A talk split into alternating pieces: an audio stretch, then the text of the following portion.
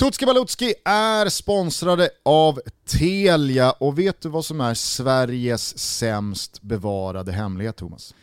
Är det att Telia har Sveriges bästa sportpaket? Ja. Rätt igen. Huvudet på spiken Wilbur. Ja, jag kan väl eh, förtydliga det lite. Med allt sportinnehåll från Simor, via Play samt Allsvenskan och Superettan från Discovery Plus samlat i ett tv och streamingpaket, ja, men då har de Sveriges bästa sportpaket. Det går liksom inte att argumentera för någonting annat. Utan fördröjning och alltid live ser du all sport och underhållning i Sveriges bästa tv-tjänst från Telia enligt SKI. Mm, sa jag förresten att streamingtjänsterna också ingår när man skaffar det här paketet? Så du får Simor via Play och Discovery+. Plus. Och, ska vi komma in på priset här nu eller? Ja, men det är som man sitter på ett trumfkort. Folk lyssnar, man vet eh, att eh, alla älskar det här och då har man ändå inte slängt ut trumfkortet här. Alltså det här priset har ju fladdrat förbi och jag vet att jag flera gånger har tänkt, nej men alltså jag, jag, jag måste ha sett fel. Jag måste jag ha sett fel. Ja. Men det Telia alltså menar, det är att man får allt det här för 599 kronor i månaden. Ja, det är helt sinnessjukt. Man sparar alltså över 400 kronor i månaden genom att köpa Telias sportpaket istället för att pussla ihop dem separat. Mm, skaffa detta på telia.se sport så får du allt samlat på ett ställe. Simor, Viaplay och Discovery+. Vi gör detta avsnitt i samarbete med Telia.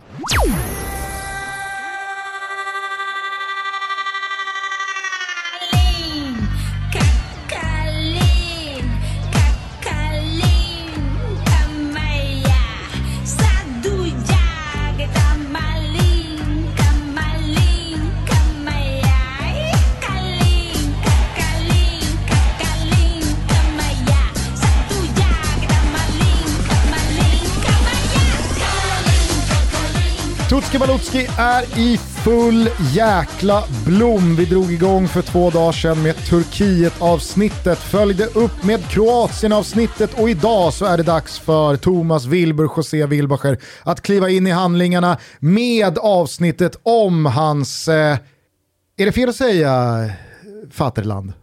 Nej, det är väl Faterland. Det är, det, är, det är hemma för dig? Ja, det är, det är min pappas eh, födelseland där han har vuxit upp i Steiermark. Så att absolut. Många som har lyssnat på 500 avsnitt Toto Balutto har säkert hört ett par gånger om det där slottet strax utanför Graz. Mm. Det är Men, man eh, skämtar bort. ska du bara ta kortversionen?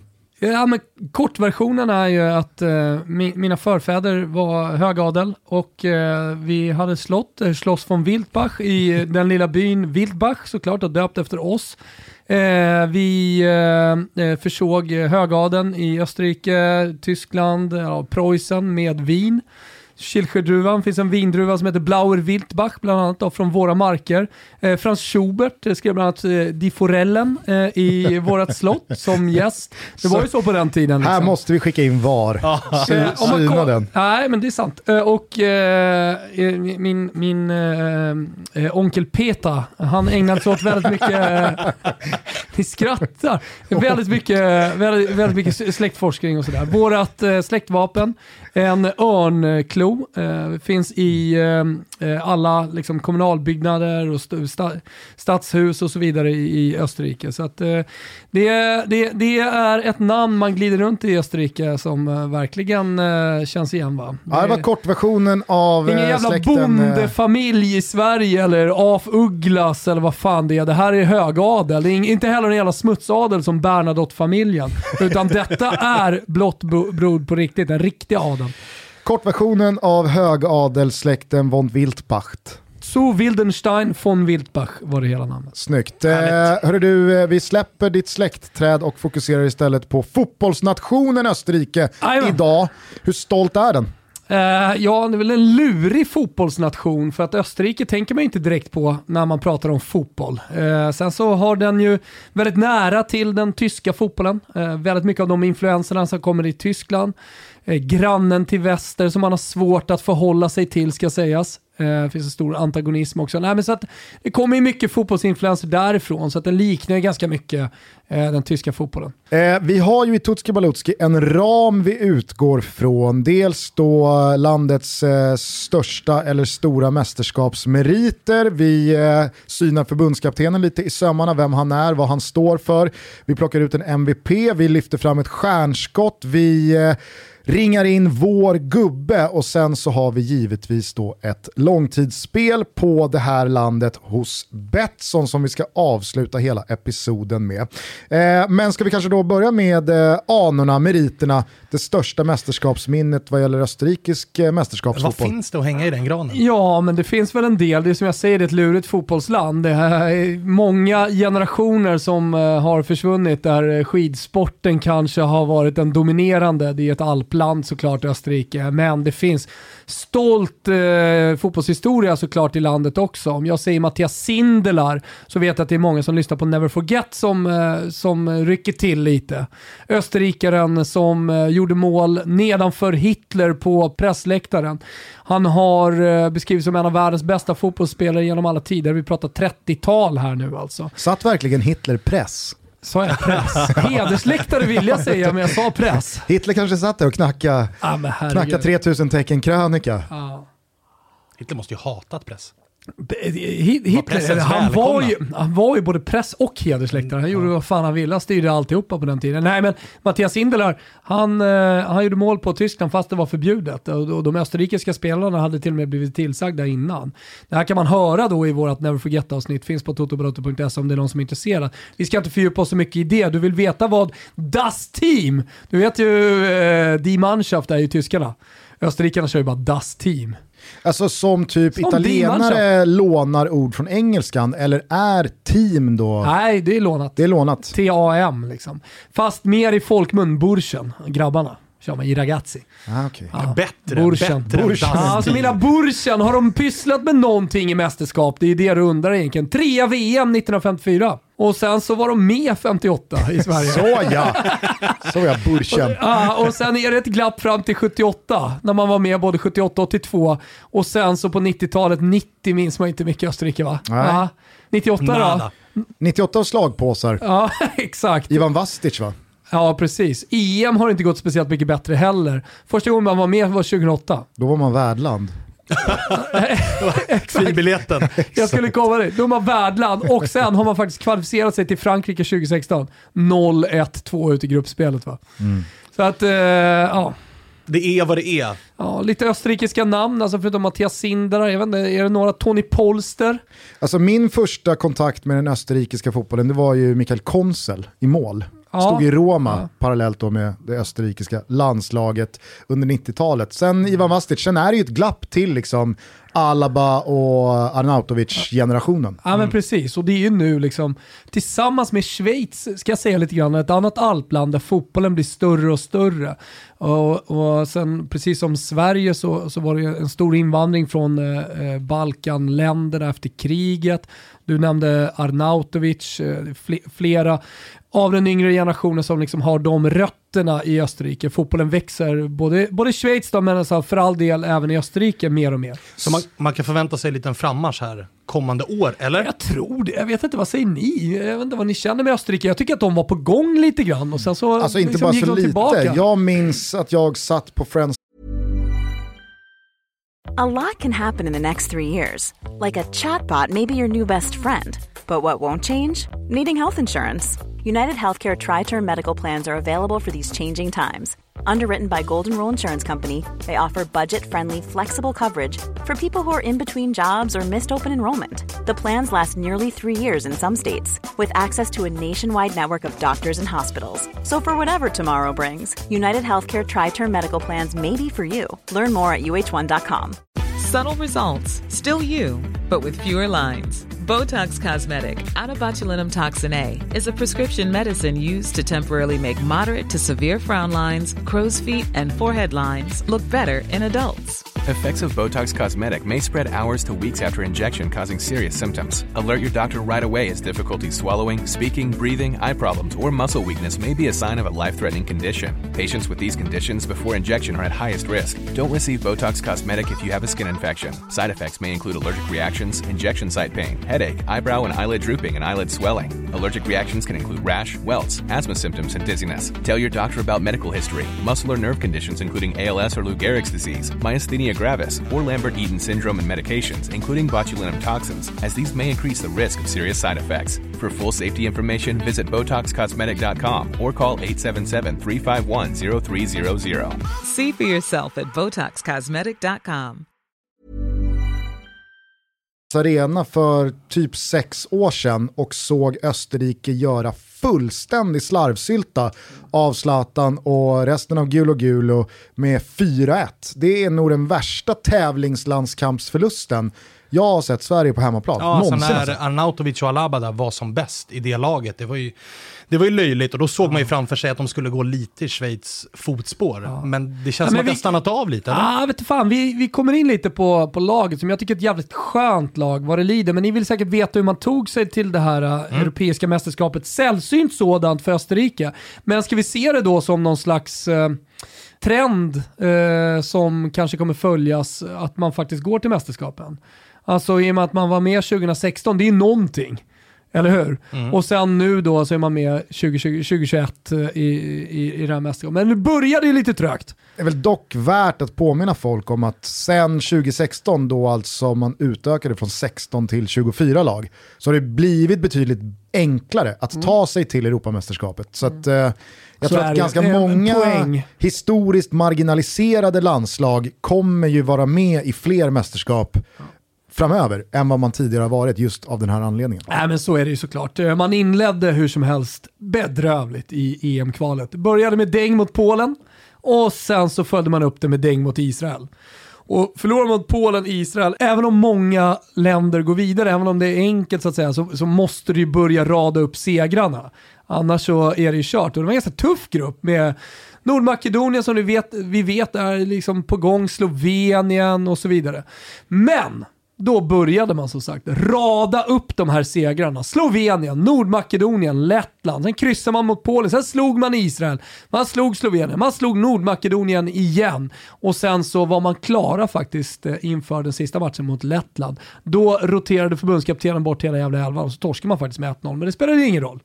Testa lite nytt och, och, och sådär. Mm, starkt ändå ju. Alltså före Slovenien där det finns Ilicic och, och ett par andra lirare. Ja, och i eh, eh Nations League som har fem segrar, en torsk, enda torsken mot Rumänien. Så att eh, de har ändå liksom gjort det ganska bra mot Grekland, Nordirland som har varit i, i samma grupp. Så att, eh, Mm, man känner ändå, här nu känner ni att så här, fan Österrike kanske är lite intressant. Nu Vänta bara tills jag börjar surra om vissa spelare här. Nu känner vi att det är Das team. Ja, nu börjar vi känna att Burschen har någonting på gång va? Ja, så började ju VM-kvalet här nu. Det har ni hängt med på va Gugge? Är du med på att eh, VM-kvalet har börjat? Jag är med. Börjar kryss då mot Skottland, tänker man. Ja, kanske inte var bästa, bästa, bästa starten. Så vinner man mot Färöarna så ska man då ta sig an Danmark. Dansken. Dansken. Ja, ni, ni dansken kryss kanske kan vara bra, med seger ändå. Det måste man ju sikta på Hemmaplan för Burschen. Hemmaplan för Burschen här. Hemmaplan. Kom i dansken. Äh, fyra pålar rätt upp i den österrikiska prutten och så var det dängtorsk mot Danmark. Och det här är ju liksom det senaste som har hänt i Österrike. Det var ju en rejäl smäll alltså. Fyra pölsar. Fyra jävla danska pölsar och så uh, undrar man vad fan ska hända med... Vi var ju positiva nyss ju. Ja, ja, ja. Svanemar, du satt vad hände? hängde med Burschen här. Mm. Vad, vad, vad gör de?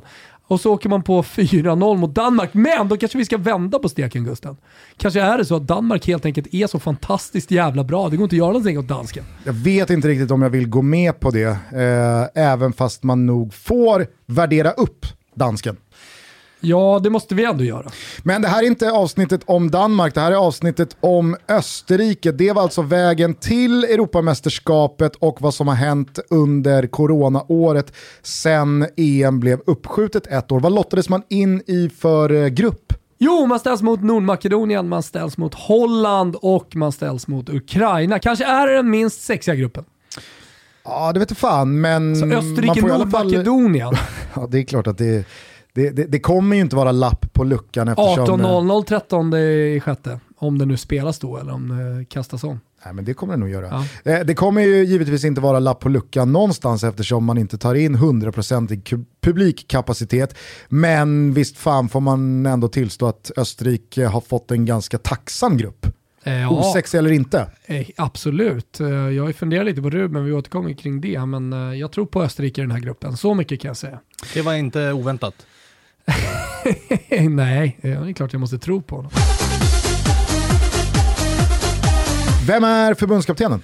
Förbundskaptenen Sturm Graz, legendaren Sturm Graz, alltså mitt lag i Österrike. Legendaren säger jag, för han har varit där eh, i hundra år innan han tog över österrikiska landslaget. Franco Foda, mycket omtyckt i landet. Jävla fin gubbe. Jag har faktiskt en väldigt dålig bild av Franco Foda. Alltså, av någon anledning så ser jag en vithårig äldre man här. Alltså, är jag snett på det? Ja, du, du är snett på det. Jag vet inte mm. om man färgar håret och så jävla gammal är han väl inte, Franco Foda. Men han, han är tysk, Eh, och eh, har varit, i, som jag sa, Sturm Graz länge, vann ligan med Sturm Graz. 10-11 är inte så att Sturm Graz radar upp ligatitlar, så han som blir väldigt omtyckt där. Eh, kommer in med det tyska sättet att se på fotboll. Eh, Erik Niva, hur är det han benämner dem? Tyska energitränare.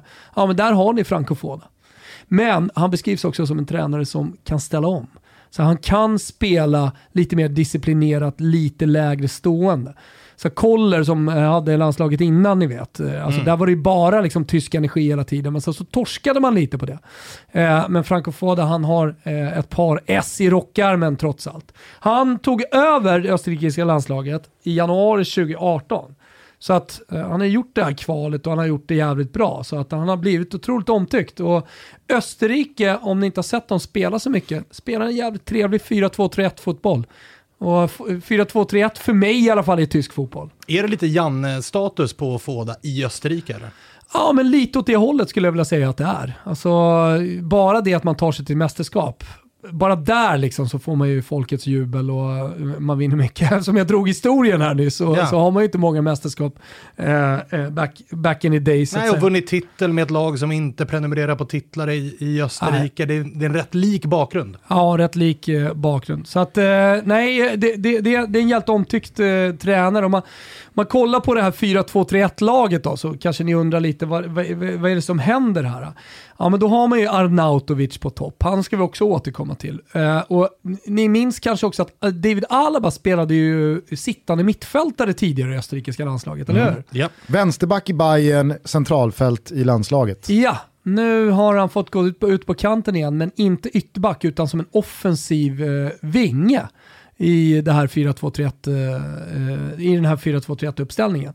Så att eh, det är Baumgartlinger, den gamla jävla mm. gossen va. Och sen så har man Leipzig-duon eh, på centralt fält. Tia Sabitzer och sen så Leimer. Ni kollar väl lite på Leipzig hoppas jag? Oh ja, ja. Oh ja. Det, det, där är, det två, är två, det är två bra lirare. Det här är två lirare som spelar i Champions League semifinal så sent som eh, i, i för, förra, förra sommaren. Så att, det är inget dåligt lag han förfogar över här.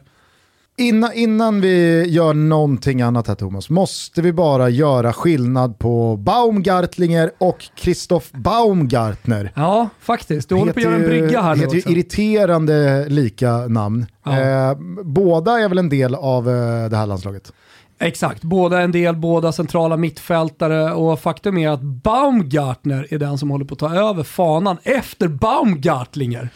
Såklart. Så det, det, det är liksom ett namnbyte som eh, knappt är ett namnbyte på centralt mittfält och han har spelat de senaste matcherna dessutom. Spelar Hoffenheim till vardags och eftersom du ändå gör den bryggan så kan vi lika gärna liksom bara hoppa på den och säga det, det, det är ju det unga stjärnskottet i i eh, eh, Österrike tillsammans, jag vet inte, 23 år, drog vi gränsen vid 22?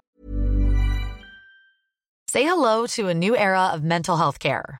Cerebral is here to help you achieve your mental wellness goals with professional therapy and medication management support. 100% online. You'll experience the all new Cerebral Way, an innovative approach to mental wellness designed around you. You'll get a personalized treatment plan from a therapist, prescriber, or both in a safe and judgment free space. Your cerebral therapist or prescriber will outline a customized plan with clear milestones along the way so you can get to feeling your best. With Cerebral, you're not alone in your mental health journey. We're here to empower you to live a fulfilling life. So take that first step towards a brighter future and sign up today at cerebral.com slash podcast and use code ACasts to get 15% off your first month. Offer only valid on monthly plans. Other exclusions may apply. Offer ends July 31st, 2024. See site for details. Oh, eller? Som det nya 19. Ja, exakt. Ja, 22. Är vi, är vi trygga i att uh, köra 22? För annars så har du ju Leimer i Leipzig, också central mittfältare, som förmodligen kommer uh, spela tillsammans med Baumgartner. Uh, han är född 97, så att det, det, är ett ganska ungt sittande mittfält. Och där är ju frågan då, om våran härlige Franco Foda kommer välja erfarenhet eller om han väljer ungt. Känslan erfarenhet. Ja. Okej, okay, Baumgartlinger är väl kapten? Är det inte det? Baumgartlinger. Kapten. Exakt, han är, han är liksom Österrikes, uh, uh, ska jag säga, han, han är Österrikes Ballack nu för tiden. Det är jävla fint att damma av Ballack ja, faktiskt. men vad fan, vi rör oss i, i, i, regioner som talar tyska, då fortsätter vi med det. Men okej, Christoph Baumgartner är stjärnskottet att hålla koll på underifrån. Vem är då MVP? Ja, men jag tycker att MVP i det här laget är nummer 10, Marcel Sabitzer. Alltså, han, han är jätteviktig för Leipzig. Och det är ett Leipzig som eh, hela tiden det är ett Leipzig som slåss om Bundesliga-titeln. Det är ett Leipzig som är i Champions League. Det är, det, och, och, det är väldigt mycket Marcel Sabitzers eh, Leipzig tycker jag. Jag tycker han är fantastisk eh, i, i, i, i, laget. Så att, eh, och han är extremt viktig eftersom han spelar i den här länkrollen mellan Arnautovic och eh, de sittande mittfältarna. Det är klart att det kanske hade varit enkelt att välja David Alaba, men i och med att han är förpassad ut på en jävla kant här nu av Franco Foda eh, så, så väljer jag ändå Sabitzer. Framförallt så känns det fräscht att du inte väljer Alaba. Ja, det är lite fräscht kanske. Ska du Martin Åslunda in eller Alaba? Nej, inte den här gången. Nej, du har bestämt dig. Lärde mig. Du kör Alaba. Ja. Alaba. Ja. ja men, eh, du kör alltså, Alaba. Ja, precis. Eh, eh, jag, jag, läste en jävligt intressant sak om eh, det österrikiska landslaget. De hade tittat på de senaste fyra EM-kvalmatcherna. Då hade sex av eh, tio utespelare på ett eller annat sätt spelat i eh, Salzburg. Så man säger så vad är det som driver österrikisk fotboll? Om man pratar om Tyskland och, och så vidare, men det är ju väldigt, väldigt mycket eh, Salzburgs utveckling de senaste tio åren med Red Bull-pengarna. Som och då, då kan man ju säga att det är Red Bull-pengarna som driver eh, Österrikes fotboll. Men, men man, man, kan hårdra det och säga lite det. Så att många av de här spelarna eh, kommer, ja men jag nämnde ju Leimer här och Sabitzer, alltså två spelare som, eh, som har gått via Salzburg, till Leipzig. Och det är, en, det är en utveckling som man även kan fortsätta se i framtiden eh, med eh, österrikiska spelare som börjar i Salzburg och går vidare till Leipzig.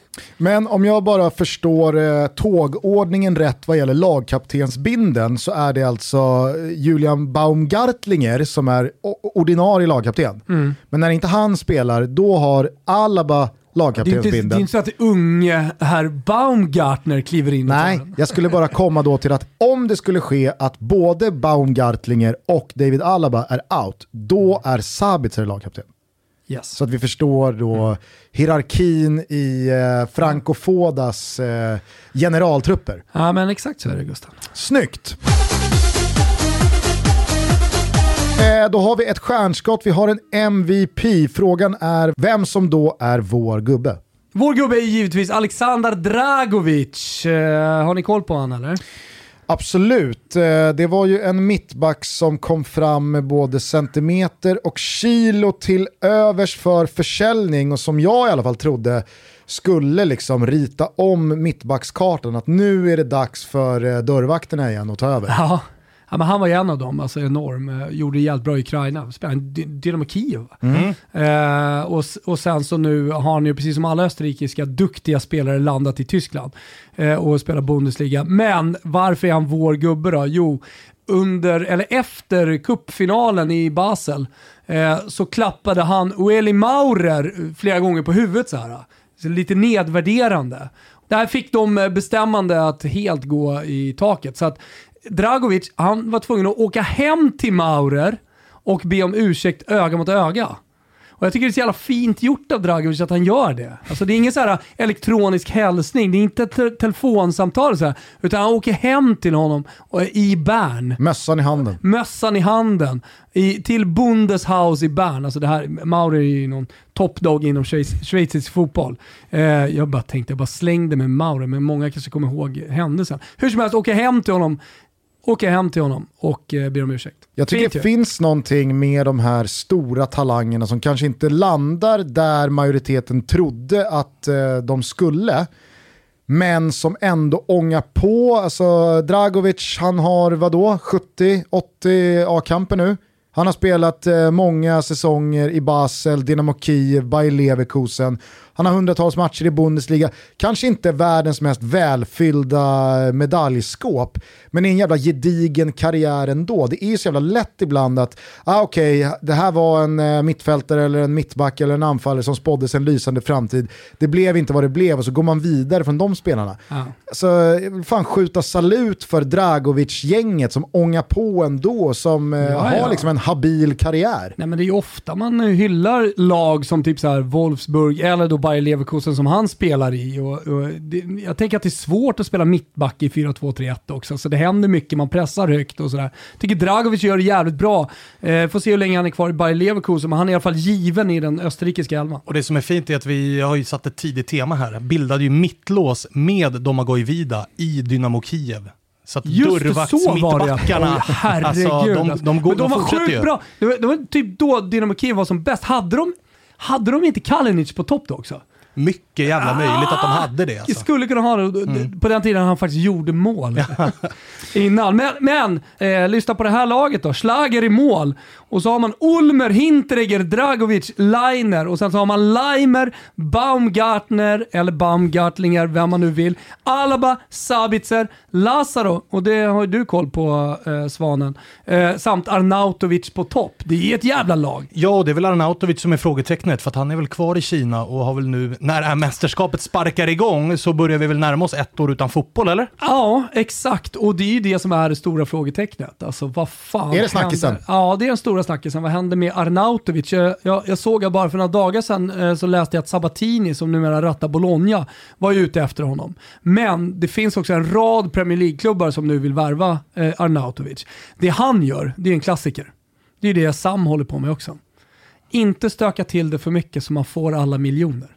Så han försöker lösa det här på ett snyggt sätt och dessutom då kunna gå gratis i sommar. Mm, drömmen. Ja, drömmen. Och det, allting tyder på att han kan gå gratis i sommar. Och således skriva ett drömkontrakt med den klubben han kommer till. Men han till. valde alltså inte Hamsik-vägen, att fan jag kan nog behöva ett par matcher det, innan EM. Det är att stöka till det. Cash, ge mig cashen bara. Här var det cash. Det har dock varit snack om att han ska göra det som Hamsik gjorde. Ja, för Titta jag tänker Franco Foda låter inte som en förbundskapten som eh, blint bara säger, ja men självklart Marco, du behöver inte ha spelat fotboll på 8, 9, 10 månader för att ta plats i min EM-trupp och kanske rent av min startelva, eller? Jo men alltså så här, han har ju alldeles för, för lite konkurrens. Arnautovic, så stor stjärna i Österrike, måste komma ihåg, det är Zlatan där. Alltså, det, det, det, är en, det är en nation som, eh, som knästår inför Arnautovic. Han är liksom en megastjärna i Österrike. Men då kan vi väl lägga ihop ett och ett och konstatera att om nu eh, Arnautovic startar för Österrike i EM, då kommer det inte sluta i något guld här. Är det så? Ja. Men hade det slutat med guld alldeles oavsett? Det är alltså? väl klart det inte hade, men du förstår vad jag menar. Jo, att, jo. Alltså, Även fast jag förstår att vissa nationalikoner och de största stjärnorna från lite mindre fotbollsländer är självskrivna i en trupp och går rakt in i en elva, så är det ju sportsligt det är helt sjukt om man går från tio månader utan en fotbollsmatch, alltså, rakt in i en EM-premiär. Säga vad man vill om Granen, men han spelar ju ändå fotboll i superettan. Arnautovic ja. spelar ju inte alls. Visst. Och säga vad man vill om Marek Hamsik i Göteborg, Hamsik gör det ju för Slovakiens bästa. Exakt. Han Absolut. gör det ju för att göra sig själv och fotbollsnationen Slovakien rättvisa. Absolut. Uh, hur som helst, där finns Mikael, uh, Mik Mikael uh, Gregoric, uh, Albin Ekdals gamla polare i Hamburg, som också är ja, men, riktigt bra spelare. Han kan ju spela vinge men kan också spela forward. så det, det, det är ett alternativ även om han helst håller till på, på kanten. sen är det ganska svagt. Om jag säger Sasha Kaladzic. Jag gissar Bundesliga. Ja, det är i alla fall ingen som du har jättebra koll på. Nej. Stuttgart spelar han i. Onisivo, ja, Karim. Onisivo spelar i Mainz. Eh, alltså lagkamrat med... med Vi sitter bara och rapar spelare här nu eller? Nej, men jag säger vad har han för konkurrenssituation? Alltså varför, alltså, varför står man och faller lite med Arnautovic? Det är de här gubbarna. Har han eh, uttalat sig själv någonting om eh, EM? Ja, han har faktiskt eh, svarat. Och du kan ju tänka att Mark Hamsik, han har ändå hållit igång kroppen hela tiden. Han liksom tränar. Sam Larsson, han är i Göteborg, han ser till att liksom hålla, sig, hålla sig i form. Ah, Arnautovic, han går ut i en intervju med tyska Sky och säger att jag har inte tränat överhuvudtaget. Jag har inte tagit hand om min kropp. Däremot så har jag druckit mycket läsk och det är inget bra för kroppen. Så att Arnautovic han är i ruskigt, ruskigt dålig form. Det gör ju det här bara Jag har ännu inte mer tagit spännande. hand om min kropp. Alltså det är som att hålla på med gottgörelse här och berättar om allting och ber om ursäkt till det österrikiska folket redan innan, eh, innan EM. Man Som- känner ju hela vägen in i Tutski Balutski-studion hur mycket det kryper i Franco Fodas kropp. Ja, ja, ja. Franco Foda har en, eh, alltså han- han är ruskigt potent. ja, ja. Potent. Ja, ja, ja. Alltså potent på det sättet. Kolla bara på honom här. Franco Foda. Fan, vi scribers ser han. Så är det. Ja, ni kan ju bildgoogla där hemma också. Skriv Franco Foda på telefonen Mm. Gör samtidigt som det, du gör det. lyssnar. Men man hoppas ju nu väldigt mycket mer på att Arnautovic startar. Man vill ju Exakt, se man det hoppas, här. att- äh, äh, man, man, man hoppas att han gör en del mål och det finns anledning till att man hoppas på en del mål. För nu är det dags för Riven! Ja, du tror eh, att det kommer eh, ringa rejält både fram och tillbaka när eh, börsen är ute i elden. Roligt. Ja. Eh, ja, nej, men jag, jag, tror verkligen det och det, det, det är inte bara så att jag tror, det finns en analys bakom varför jag tror att Österrike kommer att vara inblandade i ganska målrika matcher. Det är för att de spelar med väldigt hög press. Och eh, om, man, om man tittar tillbaka då på eh, matcherna från eh, EM-kvalet så har man varit inblandade i 28 mål på 10 matcher. Så att, eh, ja, nästan tre, nästan tre mål per match. Det har varit mycket chanser åt alla håll. Alltså, när man torskade mot Israel i den andra matchen förlorade man med 4-2 till exempel. Alltså, så här, man, man släpper in bollar. Och eh, så kollar jag på då, motståndet. Ja, fan, Nordmakedonien, eh, Ukraina. Precis den typen av motstånd som man har mött när man har varit så här, Grekland i Nations League och de här har man varit inblandad i väldigt så här, målrika tillställningar. Så man, om man då blickar mot den här första omgången i EM och man ska på något sätt eh, försöka köpa sig tid att titta på så mycket EM som möjligt hemma, tänker jag, alla som lyssnar på det här. Då ska man fan inte helt eh, stryka Österrike mot Nordmakedonien, för jag tror att det kan bli en jävla fight faktiskt.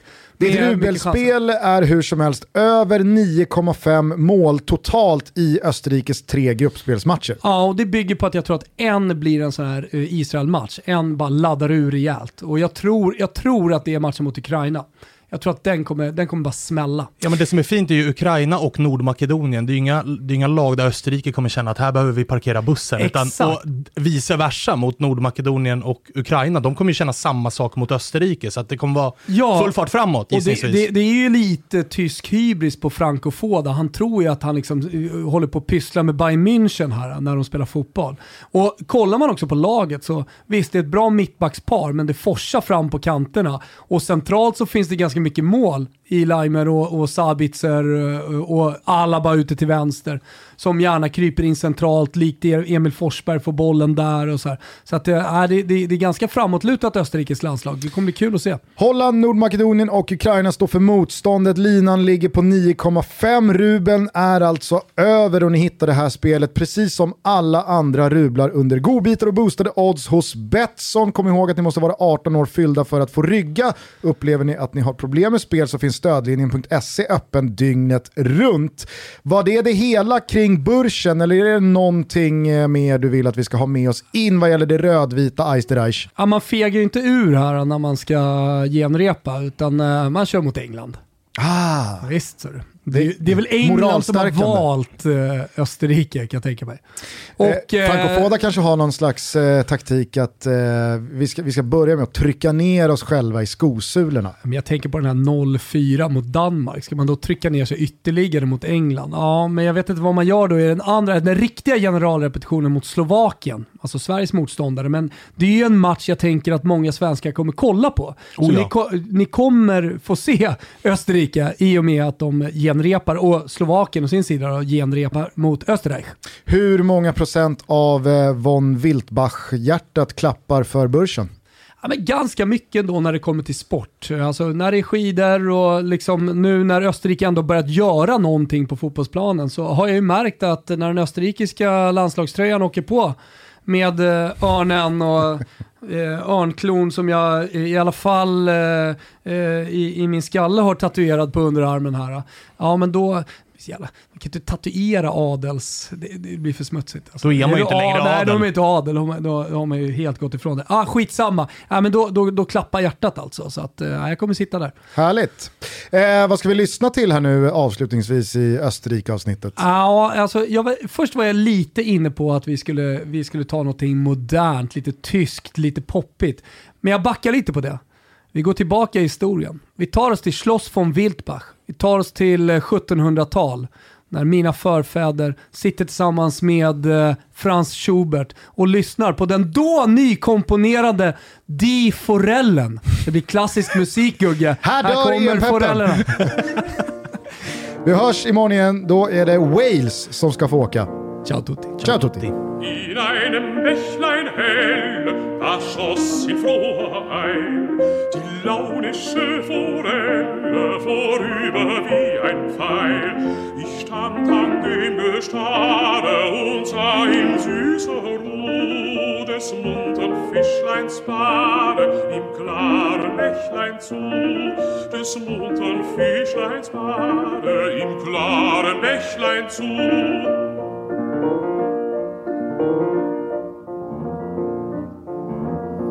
Fischer mit der Rute wohl an dem Ufer stand und saß mit kaltem Blute, wie sich das Fischlein wand. Solang dem Wasser helle, so dacht ich nicht gebricht, so fängt er die Forelle mit seiner Angel nicht, so fängt er die Forelle mit seiner Angel